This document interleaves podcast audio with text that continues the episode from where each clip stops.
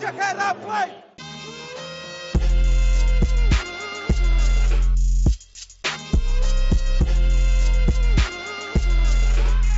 play! Jojo, živijo, lepo zdrav vsem, jaz sem Matej, uh, upam, da ste dobro, kjerkoli ste, karkoli eh, počnete. Jaz moram priznati, da malce zgubljam glas, da sem ga nekaj izgubil uh, sinoči na tekmi CD-vite Olimpije. Izjemni tekmi, napeto je bilo, uh, užival še bolj verjetno kot pred televizorji in uh, računalniškimi zasloni. Na koncu sem se zdrl do konca, ko sem mislil, da je pulen zadev koš za zmago, ampak nažalost se je čas iztekel.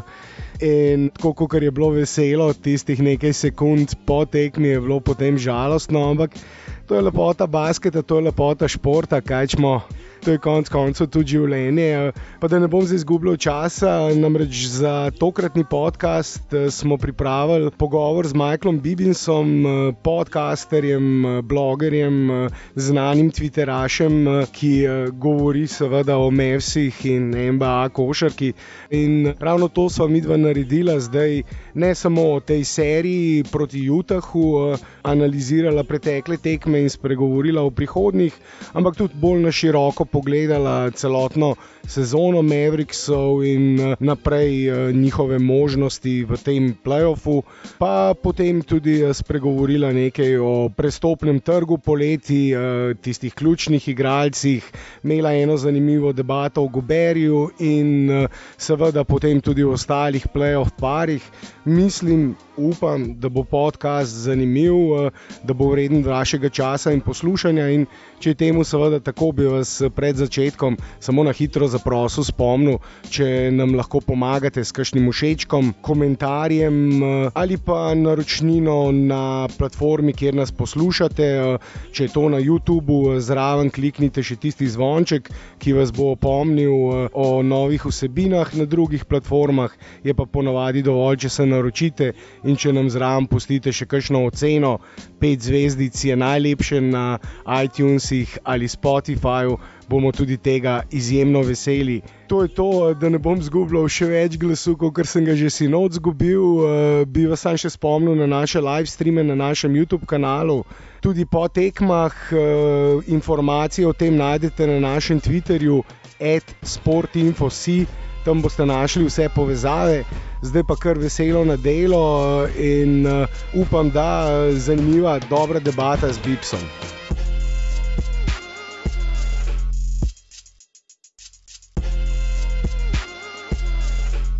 Today I'm joined by Bibs. Great to talk to you again. Hello, hello. Thank you for having me, Mate. Yeah, uh, there's a lot of stuff to talk about, so let's just get started. But before we do, I'll just mention uh, where people can find you. Uh, uh of course, your Twitter handle at Bibs Corner and the podcast uh, Mavs Outsiders available on all platforms and on Twitter at Mavs Outsiders. One word. All of your content and links to your content are available there, and uh, I'm sure a lot of Slovenian fans are already following you and listening to the podcast. And you do have a lot of great takes, so let's not waste any time and dive in. Mavs are now up 3 2 as far as this series goes, are you an optimist? Do you think it's close to over?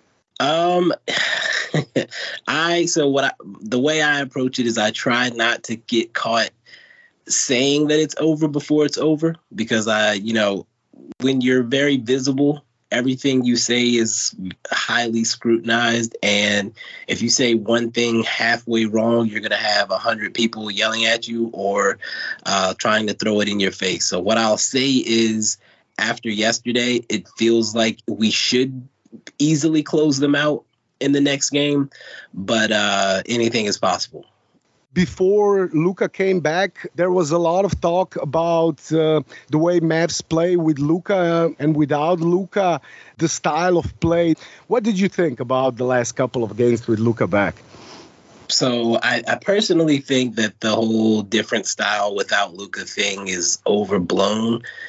What I think occurred, and I'll, I'll break this down on a game to game I think that Jalen Brunson was forced to do more than he was trying to do with Luka around. why is another question. But in the first game back, especially early in the game, I noticed they were forcing the ball to Luka a lot. And they went back to standing around a lot, especially early on in the game.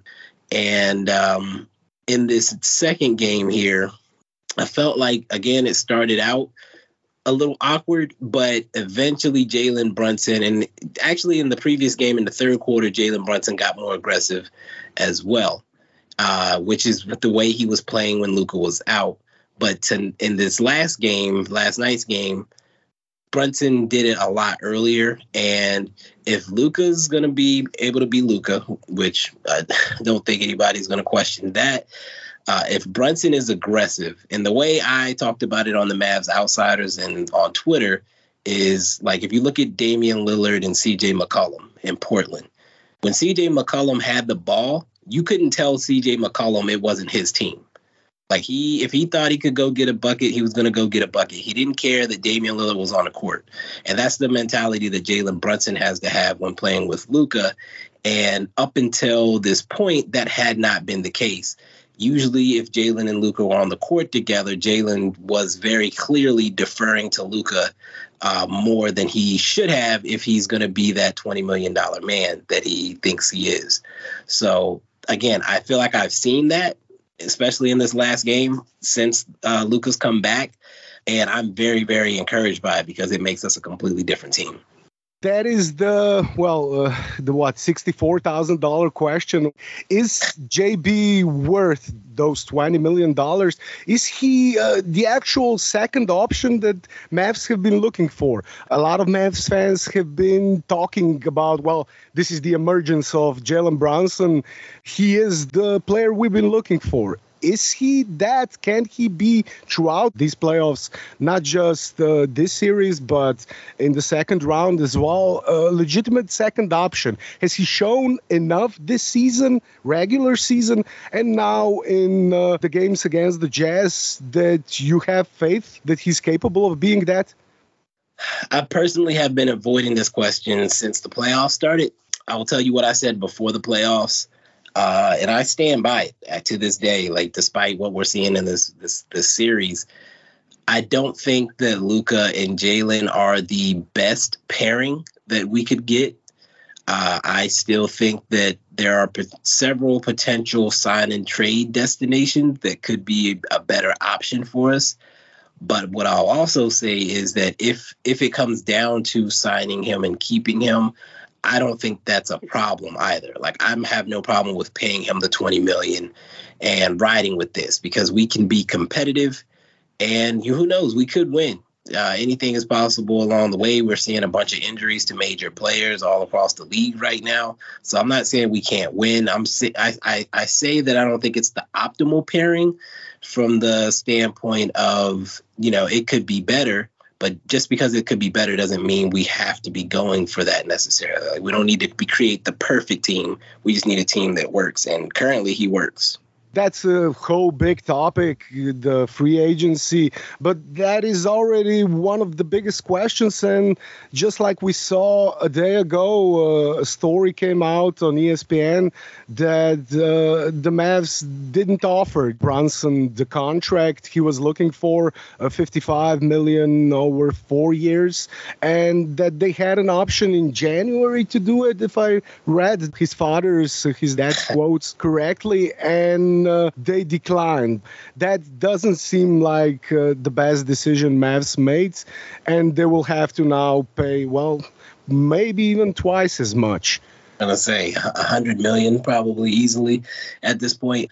That report kind of surprised me. Now, initially, I read I read it as they were they Jalen wanted to sign it last year, or in the off season, and that made sense because I think they said after he played poorly in the playoffs, his his family wanted to lock it in uh, because that was the max he could get that four years, fifty five million. Uh, so they wanted to lock it in despite how poorly he played in the playoffs, and the Mavs, for whatever reason, did not. If I could have gotten him, if you had told me that we could sign him for that four years, 55 at that time, I would have said go for it. Like he definitely is worth that money uh, if we're if we were still looking at him as a six man type. Like I, I don't know why you would hesitate to do that deal. Um, I think it was a cap space thing, if I'm not mistaken, or cap flexibility, I should say, or the flexibility to be able to trade him. Because if they signed the deal, he wouldn't have, they wouldn't have been able to trade him during the season. Which you add they all that tried to do. yeah, and then and then it also, like you said in that same report, they mentioned that we did try to trade him uh, during the 2020 draft, along with picks 18 and 31, to get the eighth pick, so we could try to get Tyrese Halliburton. Uh, how did you feel about that news, by the way? well, I would have loved Tyrese Halliburton and probably every Mavs fan as well uh, this season. It would have been a good move. And I think just looking back at the time, if Mavs did manage to uh, do that deal and get a pick to draft Halliburton, I don't think anybody would regret it. But hindsight is, yeah, well, 2020. But as far as the contract goes, four for 55 seemed reasonable even last summer. And well, yeah, cap flexibility. That's another big topic on the Mavs. The constant uh, waiting for cap space or creating the cap space, where we can see in the last couple of seasons that cap space is uh, is a myth. Is basically it's more important to have good assets, contracts to uh, trade than uh, create uh, that cap space, which you may never use. And Mavs did not use it a lot of times. Right. Like you say cap space around Mavs fans these days and you might trigger a seizure or something. I, I don't, it's, I, I, don't like hearing these reports just makes me uh, annoyed at the way that we've managed this team over the past 11 years, even more. Um, but at the same time, the biggest thing, the biggest problem it produces for me, like I don't think the Mavs will have any reservations about paying Brunson at this point but when you look at the history, multiple tr- times trying to time trying to trade him, not giving him that contract because we wanted to maybe be able to trade him. Does he question how loyal we are to him in the long run? Does he want to re-sign just to see if we're going to trade him later, or does he want to control his own destiny and and go somewhere that he knows wants him? Absolutely, and he could do that because uh, Mavs made another, let's say, mistake by signing him to a contract, to a rookie contract, where he'll be a, an unrestricted free agent this summer. And he could easily leave, and nobody could actually blame him based on the fact that Mavs have tried to trade him and they didn't offer him a contract when he wanted it. Uh, there's no loyalty here, and uh, if he leaves for the same money or maybe even more money, absolutely no one can blame him.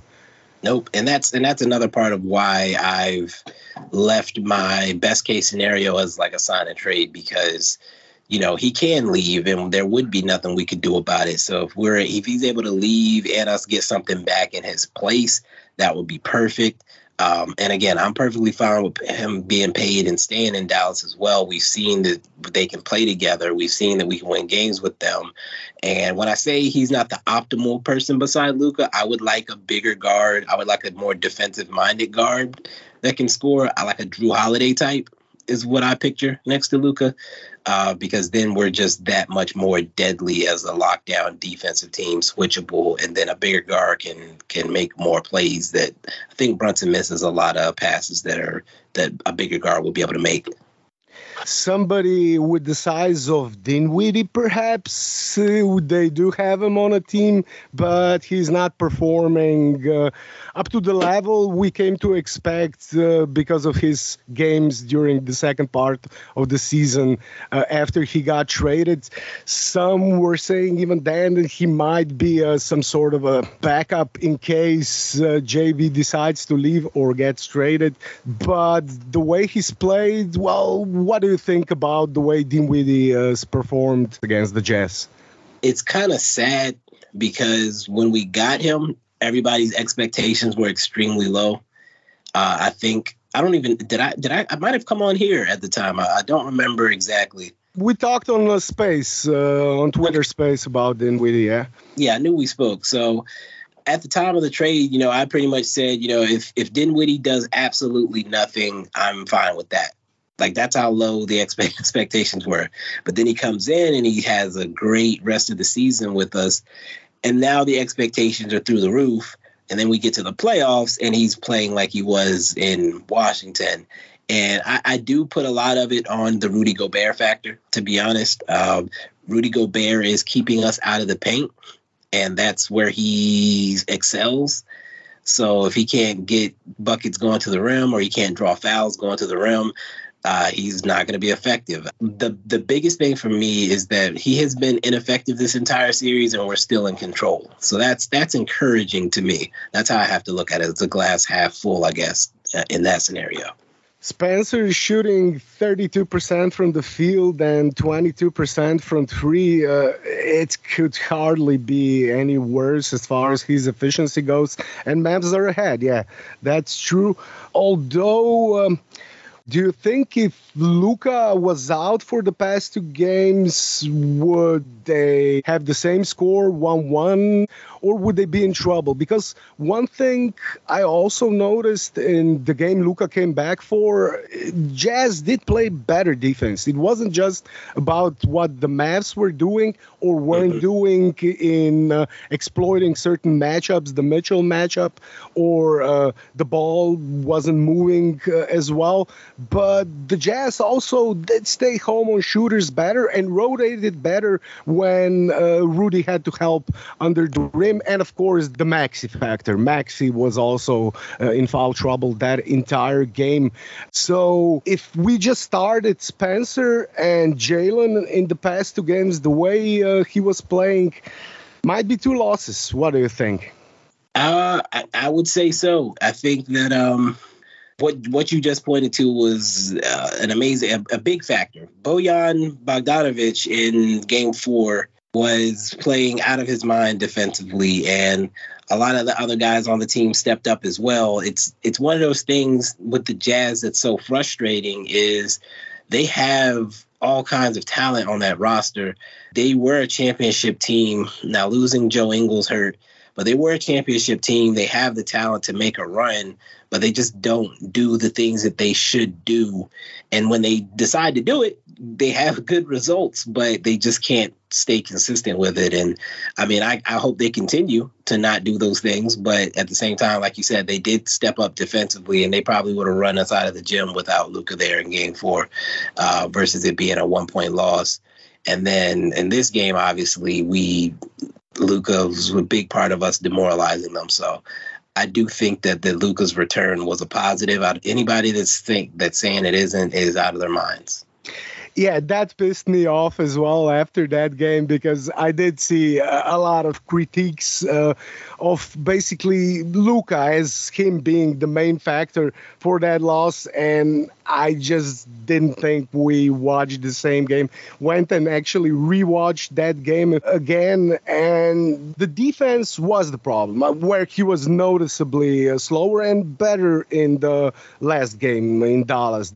But as far as the offense, I thought they were doing pretty much the same stuff they were doing before, except that Luka took a lot of the usage away from Jalen. Although I also did check the first half of that game, Jalen had a bigger usage than Luka. and then in the third quarter, that discrepancy was hugely into uh, went into Luka's favor. So I think they were trying conceptually to do more or less the same thing, except that Luka is Luka and he's gonna take his share of possessions, uh, and it is a good point that you made about Jalen having to take the ball. It's a lot uh, about confidence here, I think. And I've never seen Luka look pissed off if Jalen uh, took a possession from him. Of course, they do a lot of free play calling. There's not a lot of set plays, especially when they play five outs. It's just get the ball, drive, and kick if there's an option, or try to finish at the rim. And with Rudy, just like you said, uh, that's pretty hard to do. And since I mentioned Rudy, you're also you were, and I think you still are, a big proponent of uh, Rudy coming to the Mavs, or has this series uh, changed your mind in any way? Yeah, so to go back to what you said uh, just a minute ago about Brunson, there was a, a couple of exchanges last game that again made me very excited about the possibilities. Like there was a possession, like you said, there's not really any plays. There's a lot of screening screens and trying to get a mismatch uh, to drive or pick and roll. And there was a play where I believe Luka did a pick and roll action with Dwight. The Jazz shut it down, and then Luka swung it over to Jalen on the other side of the floor, and then Jalen worked a pick and roll and got a bucket. Uh, and then the next, another few possessions later, they did it the opposite way. Jalen tried to run something, it got shut down. He swung it to Luka. Luka ran something and got a bucket. Like that's the those are the that's the possibility I see with this tandem, and I, I like that personally. And there's a lot of options that are still unexplored, unused.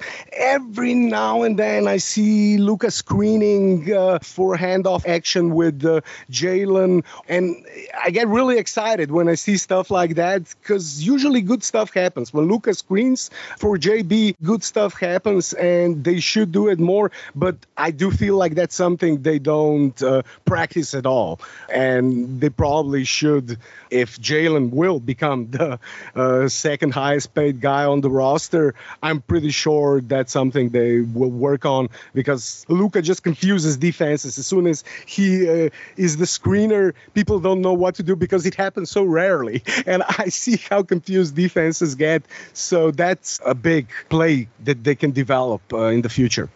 Definitely, definitely. Um, and I do want to get to your Gobert question. So Rudy. Yeah, yeah, yeah. Gobert is my guy. Uh, he's still good. He's still my guy. I, I, my my guy hierarchy is Giannis, Damian Lillard, and then Rudy. Those are my three favorite guys. And the Rudy stuff goes back to his uh, draft. Sorry, sorry, Mike. Uh, is in that order? Giannis, uh, Lillard, Rudy. Rudy is your third favorite player. Yes. Damn. okay. and so Giannis and Rudy both go back to their draft class. Uh, at the time, I was doing some minor scouting, and what I would do at that time was this was like right after college for me. So what I would do at that time is I would look at you know the top 50 prospects, and I would go on YouTube and find videos of their game or whatever and try to decide what I thought they could be. And I remember with that draft class, I was bored with most of the players I was looking at until I got to Giannis's video. And then I was like, whoa, this kid is potentially going to be great.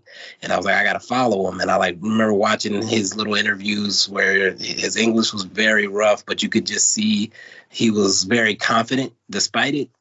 And uh, I loved it. Like his little soft voice, he was like 30 pounds soaking wet. Uh, but he was like, I want to be best player in the NBA. And I was like, yeah, I like this kid. Uh, Rudy Gobert, I remember watching him. He was lanky and skinny too, but he had these gigantic feet and like a wide frame. I was like, if this dude puts on some muscle, because I saw him setting the screens, I saw him rolling hard, I saw him trying to be physical at in, at the rim and stuff like that. It wasn't as successful because of how skinny he was, but I was like, if this dude puts on some weight uh, I think he's going to be a beast. Uh, I have a, a, a, soft spot for defensive minded players. So uh, watching both of them grow, it's it's been fun. Now Rudy's personality and how he annoys fans, especially of other teams, that's that's a whole other thing I have to deal with. But as far as his game, like I just love watching him play. The Gobert agenda, for me, it's not about Rudy coming to Dallas. It's I just want people to respect him as a player.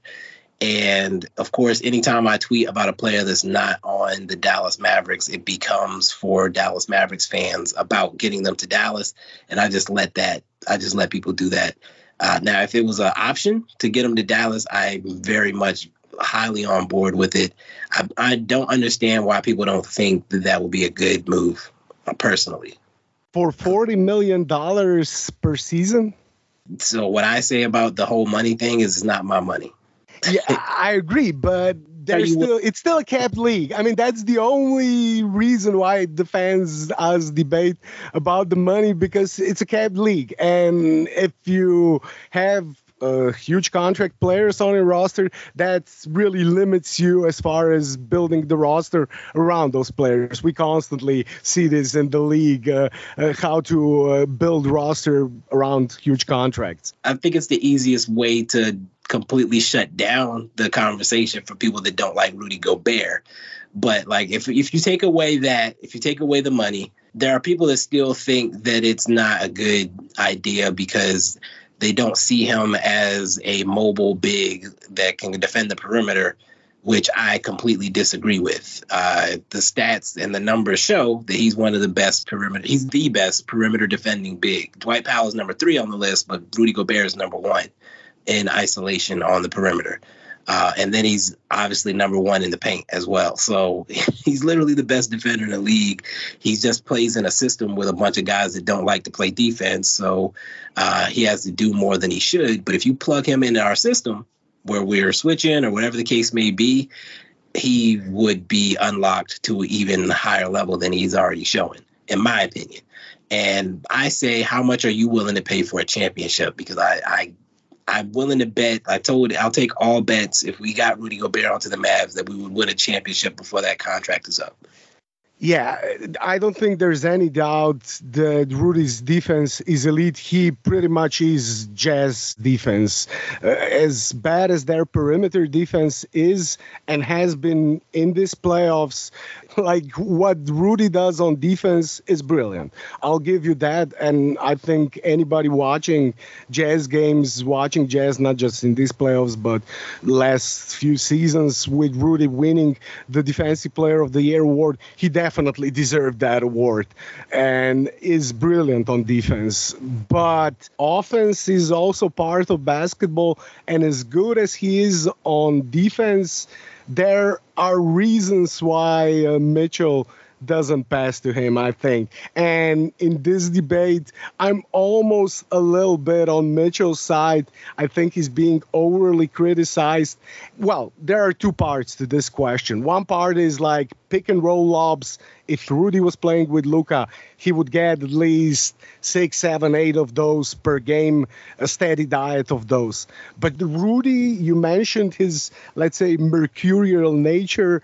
Uh, uh is a sensitive dude, and in that uh, sense, he reminds me a little bit of KP. And I do feel like he's a guy that also wants his post ups, wants to get the ball under the rim. And as far as that part of his game is concerned, well, I don't know if I'm willing to pay super max contract just for defense. But I disagree about the offensive points because I think a lot of people say that too. I, have never seen Rudy Gobert complain about not getting touches in the sense of KP like wanting to get his shots up. Gobert's complaints and the things that like Shaq and Candace Parker and Chiney Ogwumike have pointed out is that Rudy Gobert, and I, again, I've watched him his entire career. Every year he has gotten better at coming off this pick and roll, and then posting up deep in the paint or running the floor and posting up deep in the paint with two feet in the paint, literally under the rim, or with or, or, on a switch, he'll have a guard on him and he'll bury them under the rim, and he'll have position to where if a point guard that could actually pass and get him the ball in the spots where he needs it, because Donovan will throw it to him anywhere half the time. Like there were a couple plays in this series where he threw him lobs that are behind him, and he's not an athletic dude that's going to reach back and grab a ball and dunk it like that. Like you have to put it on the money to to guide him to the hoop. And Clarkson was doing that for him. But the issue is when he gets that deep paint post position, when he's there under the rim by himself, or near no one around him, he's seven foot three. He can dunk without jumping, and they just either don't give him the ball or they throw a lazy pass or put him in a position where he has to post up and make a move. And that's just not that's not optimal. Uh, the complaints come to, for when you don't give him the ball there. And if you did give him the ball there, he's easily averaging over 20 points a game. And so then my question becomes, you know, is he bad at offense or is he just not getting the wide open touches? And I don't think he would. I think Luka would get him the ball in those situations. Uh, you mentioned the six to eight lobs. That's 12 to 16 points. He averages about four and a half points a game on putbacks and then he gets six or seven free throws a game. So if you do the math on that, that's 16 to 24 points that he's got every night just off of the easy stuff, not having to get a post up or isolation, anything like that. And I, again, I don't think that he necessarily desires that, but that's the stuff that they give him sometimes, and he tries to make the most out of it, and it looks terrible. Uh, and I don't want to see Rudy Gobert in a post up. I just want to see him get the ball when he's deep in the paint with a guard on him, and he literally can just grab the ball and dunk it if you give it to him in the right spot. But Donovan Mitchell is a terrible passer and doesn't give it to him in the right spots when those things occur, or he just doesn't give it to him at all. Do you think Rudy can stay on the floor in the playoffs against elite small ball teams? Yes, there's no doubt in my mind. Again, this this goes back to the Jazz as a whole. And the Clipper series always gets brought up. He got played off the floor, blah, blah, blah, blah, blah. The issue was he was trying to guard Terance Mann in the corner, and then Paul George would drive, and Donovan Mitchell would be a swinging gate, or Royce O'Neale would be a swinging gate.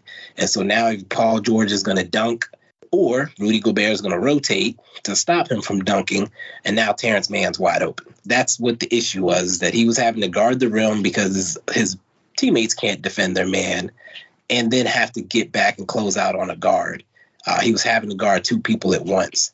Now, in our system, he's guarding, you know, let's go as far as Steph Curry.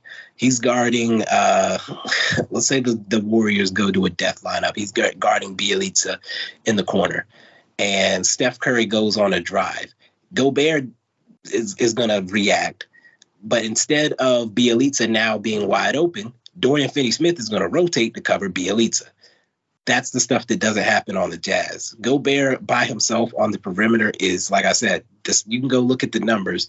He's the number one center when it comes to guarding uh, on the perimeter, one on one in isolation.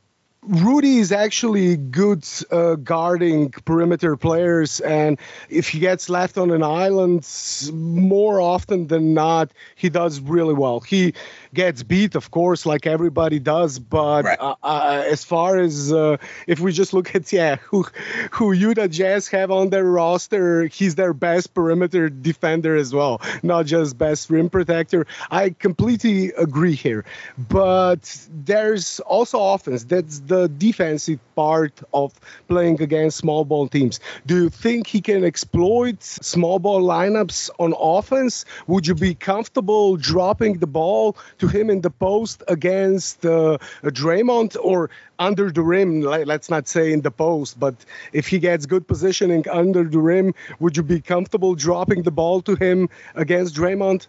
So the beauty of that is currently on the Jazz, I I can't say that there's a, a, a control the game type of guy on their roster anymore. I think Ingles was that for them, but they don't have that guy now. If we're if the Warriors go small against us, and Luka has Rudy Gobert to work with, the two man game between those two, I think I trust Luka to exploit that to the fullest.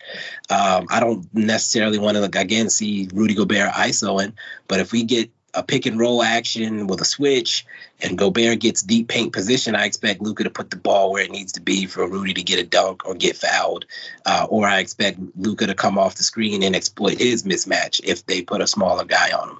So if going small against a Luka Rudy Gobert lineup, is not going to work the way it has against with the Jazz. The Jazz's problem is they let it be an issue on with on defense because Rudy can't guard two people at once, and then they let it be an issue on offense because they don't take advantage of the advantage of having a seven foot four dude on the court when the tallest guy on the other team is six foot seven, or they do it in a dumb way, and I don't think Luka would allow that to occur the way you talk about Rudy, I mean, I, I see I haven't shaken your belief in Rudy at all, and this playoffs obviously haven't as well. But the way you talk about Rudy, eh, I just see you're gonna absolutely love Victor Wembanyama, another French kid. He's uh, gonna come. Uh, he's gonna be drafted next year, uh, and he's like Rudy and uh, I don't know. I mean, sort of a KD-ish on offense. It's crazy. And if you love Giannis and Rudy, yeah, I mean,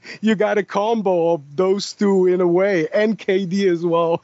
I know I'm going too far now, but yeah, Banyama could be if he stays healthy, of course, uh, crazy. But that's going to be up for another debate. But uh, since you don't see Rudy as a problem at at all, I'm guessing, on the Jazz.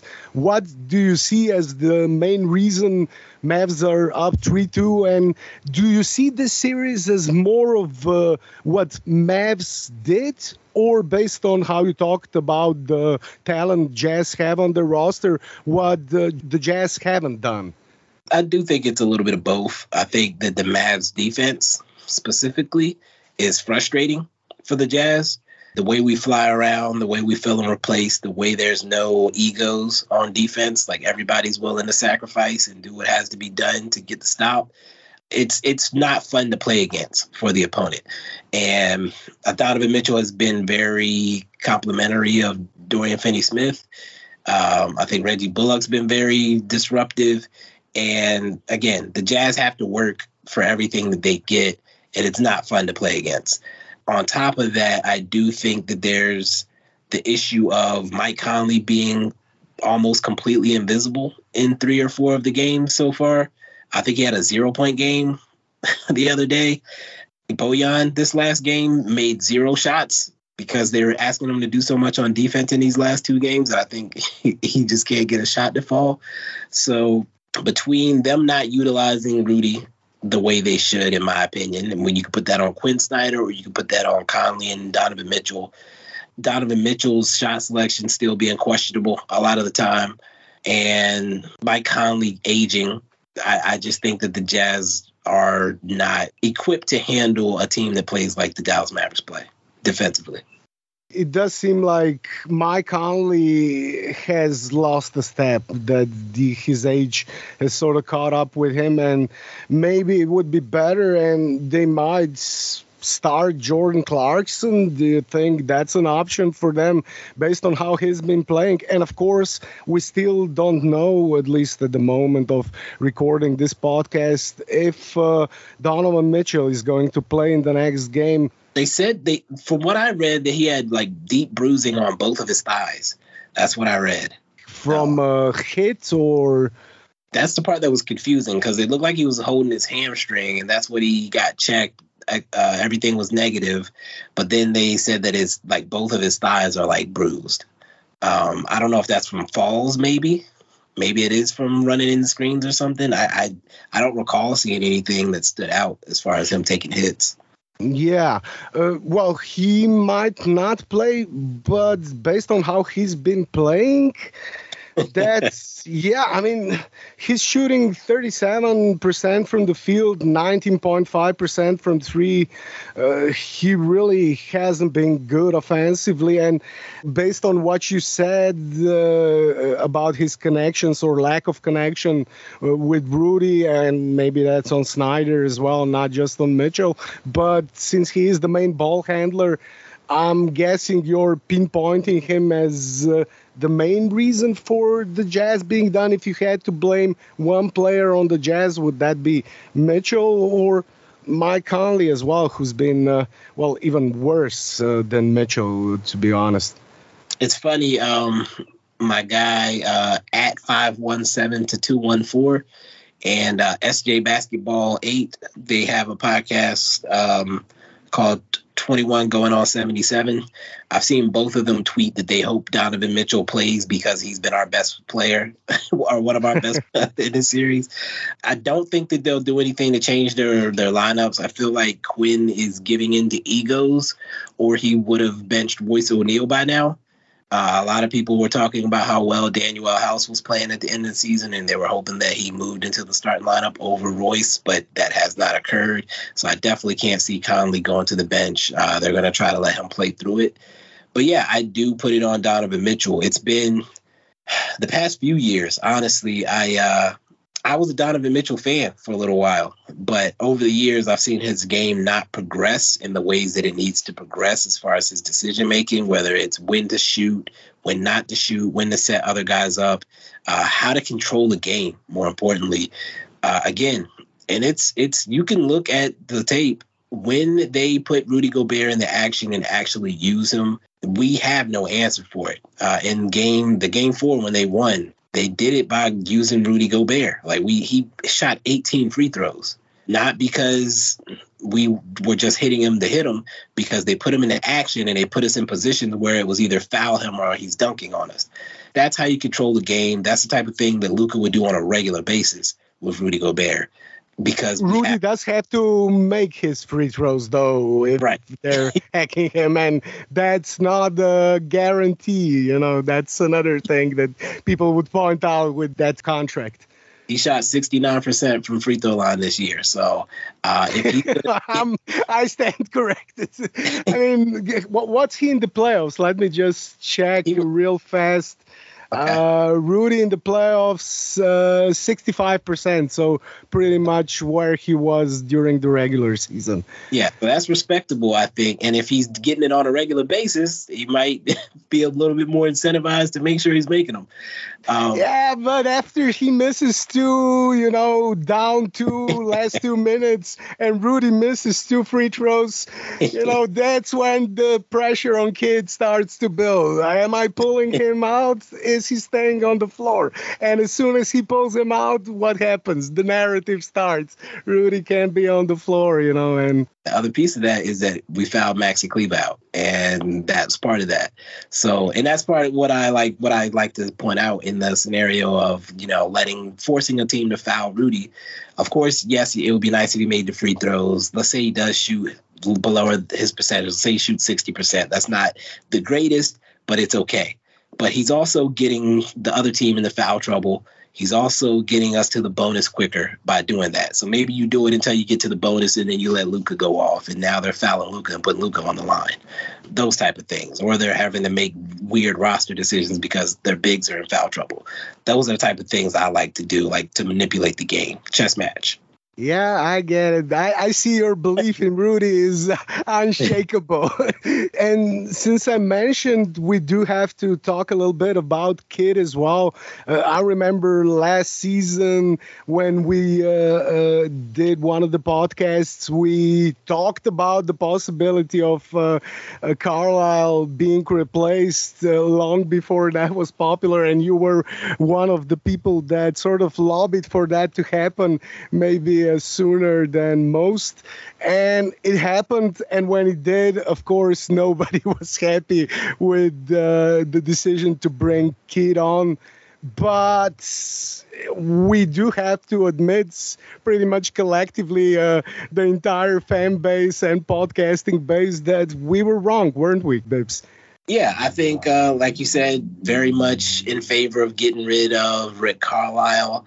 And then when we hired Jason, I remember when Jason Kidd's name came up in a rumor, I initially said, like, that is the last person I want to see get this job. There's several factors for that. Of course, one of them being I don't like recycling bad coaches uh, versus trying giving a new guy a shot in the NBA. I hate that that happens. Like there's so many assistants out there that have never gotten a shot, and we keep recycling these mediocre coaches, and I don't understand it.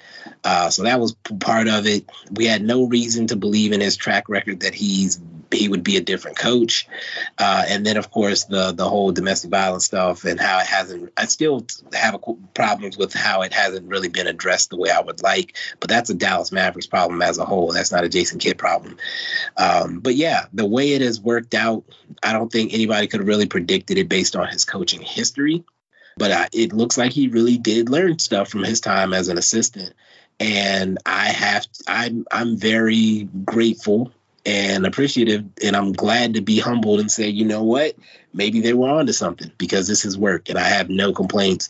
Um, he's done an amazing job of getting this team to lock in defensively. And i don't know if you heard i don't know what broadcast you were watching during the game but did you hear where they were talking about how he's like what he like one of the tricks he did to motivate Luka to play hard on defense I did hear it. Yeah, it was the, on the TNT, uh, the national broadcast, uh, that he told Luka he was 250th defensively in some made-up defensive rating, and when Luka started trying harder, he told him he was 150th, and of course he made up that stat, but it motivated Luka, and it seemed like a brilliant little thing to do. Uh, I love that. Yeah exactly. Um, so it's those little things. Um, he seems much calmer on the sidelines, I would say, than he has historically.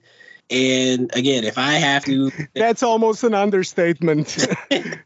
I, I I joke that he he had to. I don't know if he has like a, a, anger management therapist or something along those lines, but he seems like a completely different person. Um, and again, I welcome it all. It, it, I will say that he was my last person I wanted to see. I can say I was wrong about that. It has worked out tremendously. I still wonder, like, if they would have installed Mosley as the head coach, what he would have done this season, and the same, uh, well, or similar quality of uh, assistant coaches, because Kidd does have great assistant coaches as, as well. Uh, coaching staff, Kokoškov and Sweeney, uh, both do seem like one of those defensive, offensive guru type of coaches. At least that's what people say. And as far as Kokoškov goes, he uh, is a really inventive offensive coach. And I do think a lot of uh, ATOs and slob action, the out of timeout plays, uh, are designed by Kokoškov. And on the other hand, Sweeney uh, seems to be uh, responsible for the defensive scheme and uh, players really uh, being on a string defensively, rotating uh, timely. That's really working like a Swiss clock, as we say. Uh, it's really beautiful to see. And I saw a good point that somebody made, and I can't, unfortunately, don't remember who it was. Oh, it was a Slovenian account, actually, Hrastenko. he compared Kidd to an NFL coach who has a defensive coach and an offensive coach and lets them do their job. And he mostly just takes care of players, talking to them uh, on the sideline and communicating, uh, sort of managing the entire thing, but lets the coordinators uh, uh do their jobs. And uh, I think it's a good analogy. I agree 100%. I think that's when I saw the staff that he was putting together, that was when I first started to say, okay, maybe this can work. Because uh, just him by himself, I was like, ah, I don't know about his history. But I think, again, part of him learning from his time with the Lakers was seeing how to put a staff together. Um, and what he wanted. So he was able to sit back for a second and say, you know what, if I get another chance, I do want to be in a position, like you said, to just kind of manage, and I want to put the right people around me to to do all the the the details. And I, again, I think he's done that. I love I love the staff all the way down to Kristi Toliver and uh, Jared Dudley as well. Uh, I think I would not be surprised if Theo Pinson is on the staff uh, sooner rather than later.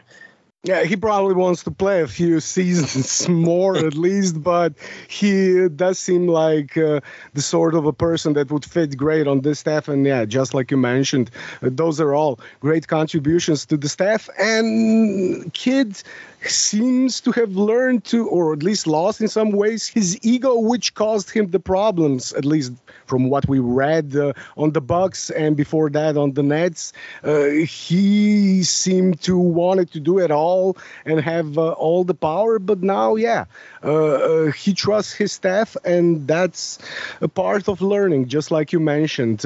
But we also read before the start of the season that it was actually Nico Harrison the new GM who was responsible for him uh, coming to the Mavs. They were sort of a package deal.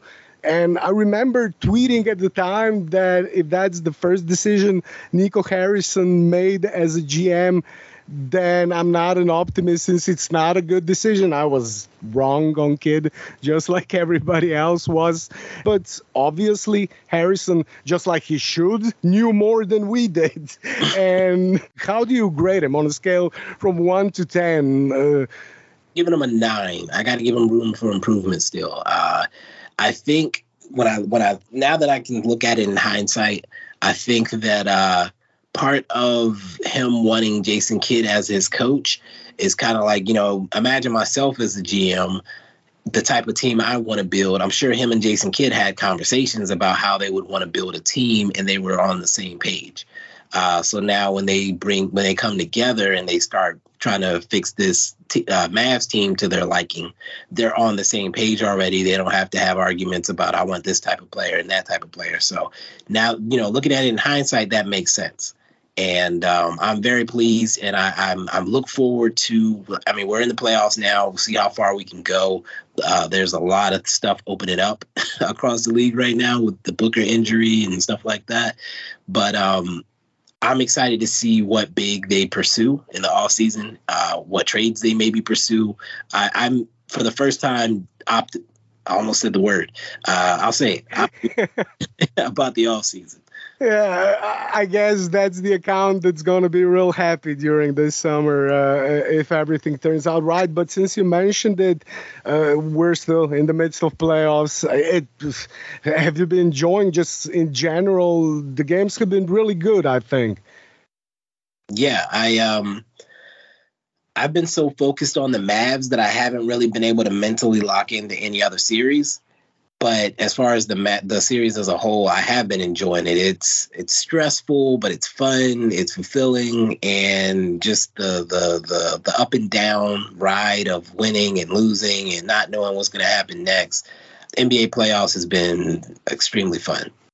It has, and also unpredictable injuries are always a factor. They've been a factor in this playoffs in the East, in the West, uh, and on uh, Mavs side of the brackets. If they beat Utah, I will not jinx them and say when they beat Utah, but if they beat Utah and uh, they'll continue and they'll meet in the next round the winner of Phoenix and New Orleans series, which is right now tied 2 2. Booker's gone down with a hamstring injury.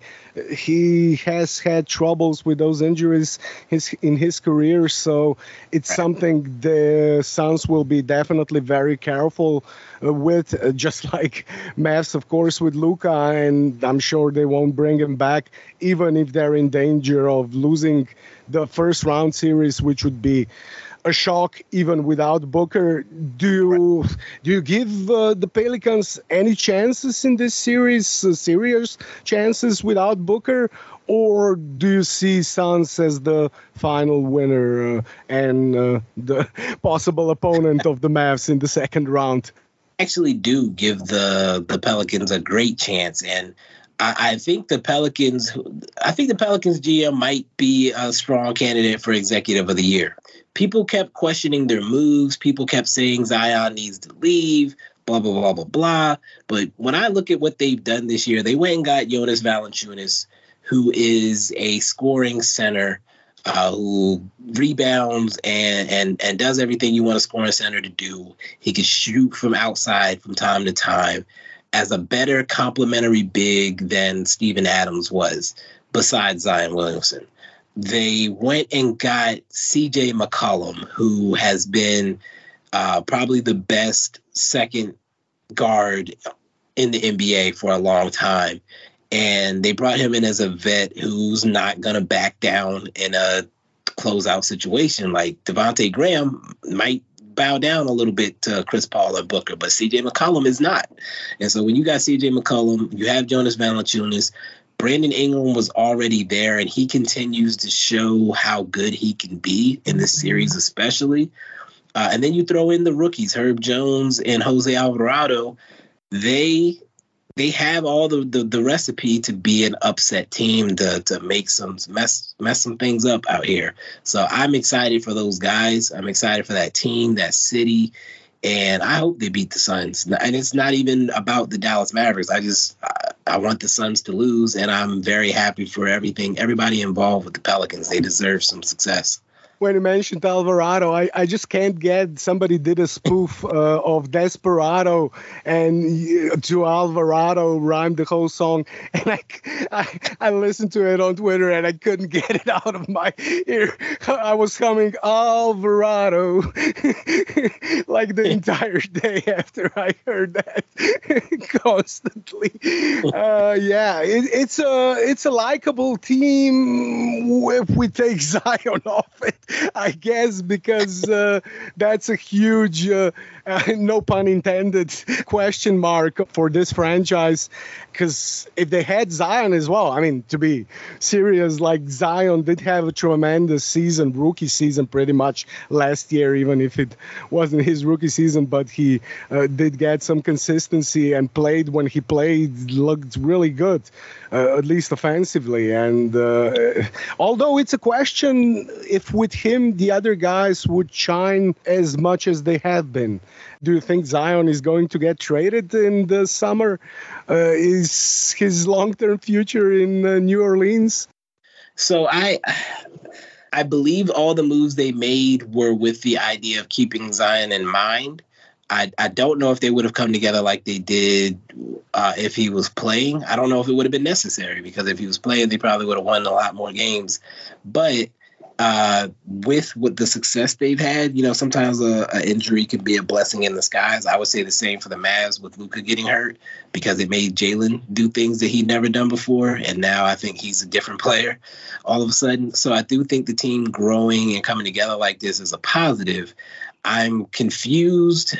I think that they've said it's an abundance of caution of not wanting him to re-injure it, but he's doing 360 windmill dunks in warm-ups, and I'm just like, I, I shouldn't have to see that and then watch him put on a, a, a sweatsuit and sit on the bench. Like, there's you can't tell me you can't use him for 10 to 15 minutes a game just to kind of ease him in um, if you're going to start trying to make a run here. I, I, think he fits well with what they're doing. Just move Larry Nance out, put Zion in there, and you're in business. Uh, I'm. I think he should stay. Um, I think he wants to stay. I think the rumors that he wanted to leave are not based in any reality. But they also put themselves in a position to where if there is some truth to it, they could probably get a nice package for them and continue this success that they're and building upon what they're this base that they've they've created. Keep on building on a young team which looks very promising and does seem to have a nice future along with Memphis. Let's hope Dallas as well. When we're talking those young Western Conference teams, I don't know about Minnesota. Uh, they'll have to do a lot more to convince me that the core they have is a viable core long term. Uh, although Anthony Edwards is a player you can of course build around if they decide to do that instead of KAT. But those are all well, those are all possible matchups. Not really maybe in these playoffs, but you said you wouldn't be surprised if New Orleans actually makes it uh, to the second round, beating Phoenix, which I actually would be based on how Phoenix was playing in the regular season, even when they were missing uh, CP3 or Booker, one of those or both of those. They looked great, and they do have considering how much experience as well CP3 has. I think they should. They have to make it uh, to the second round, or that will be another stain on CP3's career. I don't know. it's uh, a debate point as well.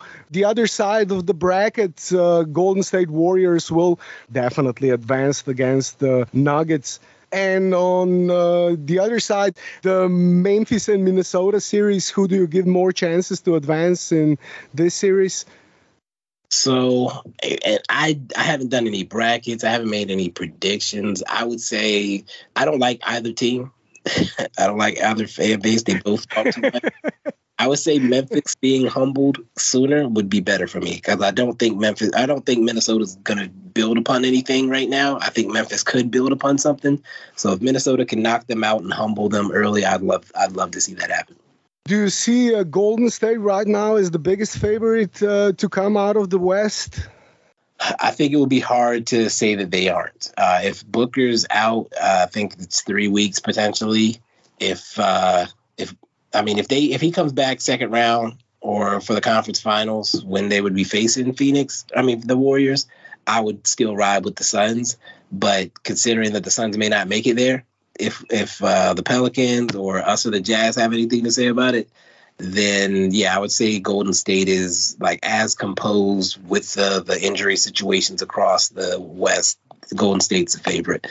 I would say I like the Mavs' chances if we were to face Golden State as well, and I've been on that since early in the season. That's exactly what I wanted to ask you uh, as well. How do you think Mavs would fare against these Golden State Warriors? And since the West is, or at least it seems, very open uh, right now, their chances of actually making it to the uh, Western Conference Finals. Yeah, um, you know, if we close out the Jazz here on Thursday, and then uh, get to the second round, whether it's the Pelicans. If it's the Pelicans, I, I, I, believe we should be able to beat them as well. I think we didn't have any issues with them in the regular season. I don't know why we would in the postseason. And then if it's the Suns and they don't have Booker for another week or two, we can jump on them, get a quick two games. I would feel good about that as well. It's not something that I considered again, I try to take it one game, one series at a time, but the likelihood has increased. It's it's hard to not say that. Yeah, looking too far ahead in the playoffs is never very good. Yeah, or you usually get disappointed if you do that. So uh, let's just knock on wood and hope uh, Mavs close out this series as soon as possible and uh, then uh, take it step by step. And when we'll find out who uh, the potential opponent in the next round will be, maybe we can talk again and uh, do another analysis, take it step by step. But as far as the East is concerned, Boston, Milwaukee, or Miami out of those three, who do you think or do you see coming out of the East? Or do you still see Philadelphia as a possible uh, team to come out of the East? I never saw Philadelphia as a possible team to come out of the East. I just yeah, yeah. Harden and Embiid are legendary choke artists. I, I wouldn't be surprised if they blew this 3-0 lead. Between those two and Doc Rivers being a terrible coach, uh, you know, anything is possible. And that that goes for blowing a 3-0 lead as well um, I do think Boston has cemented themselves as the the odds on favorite, um, especially with the Heat now dealing with injuries to Lowry and Butler. I would say Boston is head and shoulders above the rest of the East right now. Even Milwaukee. Khris Middleton's hurt, so I'm gonna ride with Giannis no matter what. So if you ask me to pick a winner between Milwaukee and Boston, I'm gonna pick Giannis all day. But as far as team performance and how everybody looks, uh, this Boston team has experienced. They've been to the conference finals multiple times as a young team. There's no reason to doubt that they're able to, to go out there and do it, and they're healthy. So yeah, and I said never good to look too far ahead, but I can just see possible finals, Mavs, Boston, and Luka. What's going to happen? We already know. Step back in the last second of the game, at least a couple of games in the series. But no, yeah, I'm joking. Boston does look great, and it was interesting the way they turned their season around. It is kind of reminiscent of Mavs season, the way both teams started really poorly, a lot yep. of uh, talk about changes in the roster, all the trades possible. They were talking about trading even Jaylen Brown at some point after the first couple of months. And uh, yeah, they've been the best team since pretty much New Year's, defensively and possibly overall as well. The way they handled Brooklyn, the way they put uh, the Nets out of their misery was uh, really impressive. And this playoffs, they're going to be really interesting. Bibbs, thanks uh, a lot uh, for taking the time to talk some NBA basketball. Always great talking basketball and Mavs with you, uh, and I hope we'll be able to uh, do it again soon. Hey, voila. Thank you for having me. Uh, always a good time. Always a good time. Yeah, oh. uh, hvala Bibbs, uh, and yeah, hopefully we'll talk again soon before the the playoffs are over, and uh, well, before Mavs play in the finals. most definitely, most definitely. And uh, I did want to say, you know, Slovenia is still the second uh, highest country as far as Mavs outsiders listeners. Uh, I went to like the geographic location breakdown. It gives me like cities, and uh, Ljubljana, of course, is number one. But then, then there's some other names. I was gonna try try to say them, but uh, I, I'm not gonna do that because uh, I'll probably butcher half of them. Well, you pronounced Ljubljana, which is not easy, uh, pretty much perfectly. So, I mean, you do have, yeah, a, a talent for languages, uh, and I'm sure, yeah, Slovenian fans uh, already are familiar with you and your podcast. And uh, if you're not already following uh, Bibs, at Bibs Corner on Twitter and at Mavs Outsiders for the podcast links and other content links. Do it now if you're not already following him. And again, thanks, Bibs, and uh, we'll talk again soon. Most definitely. Always a good time. Thank you, Thanks.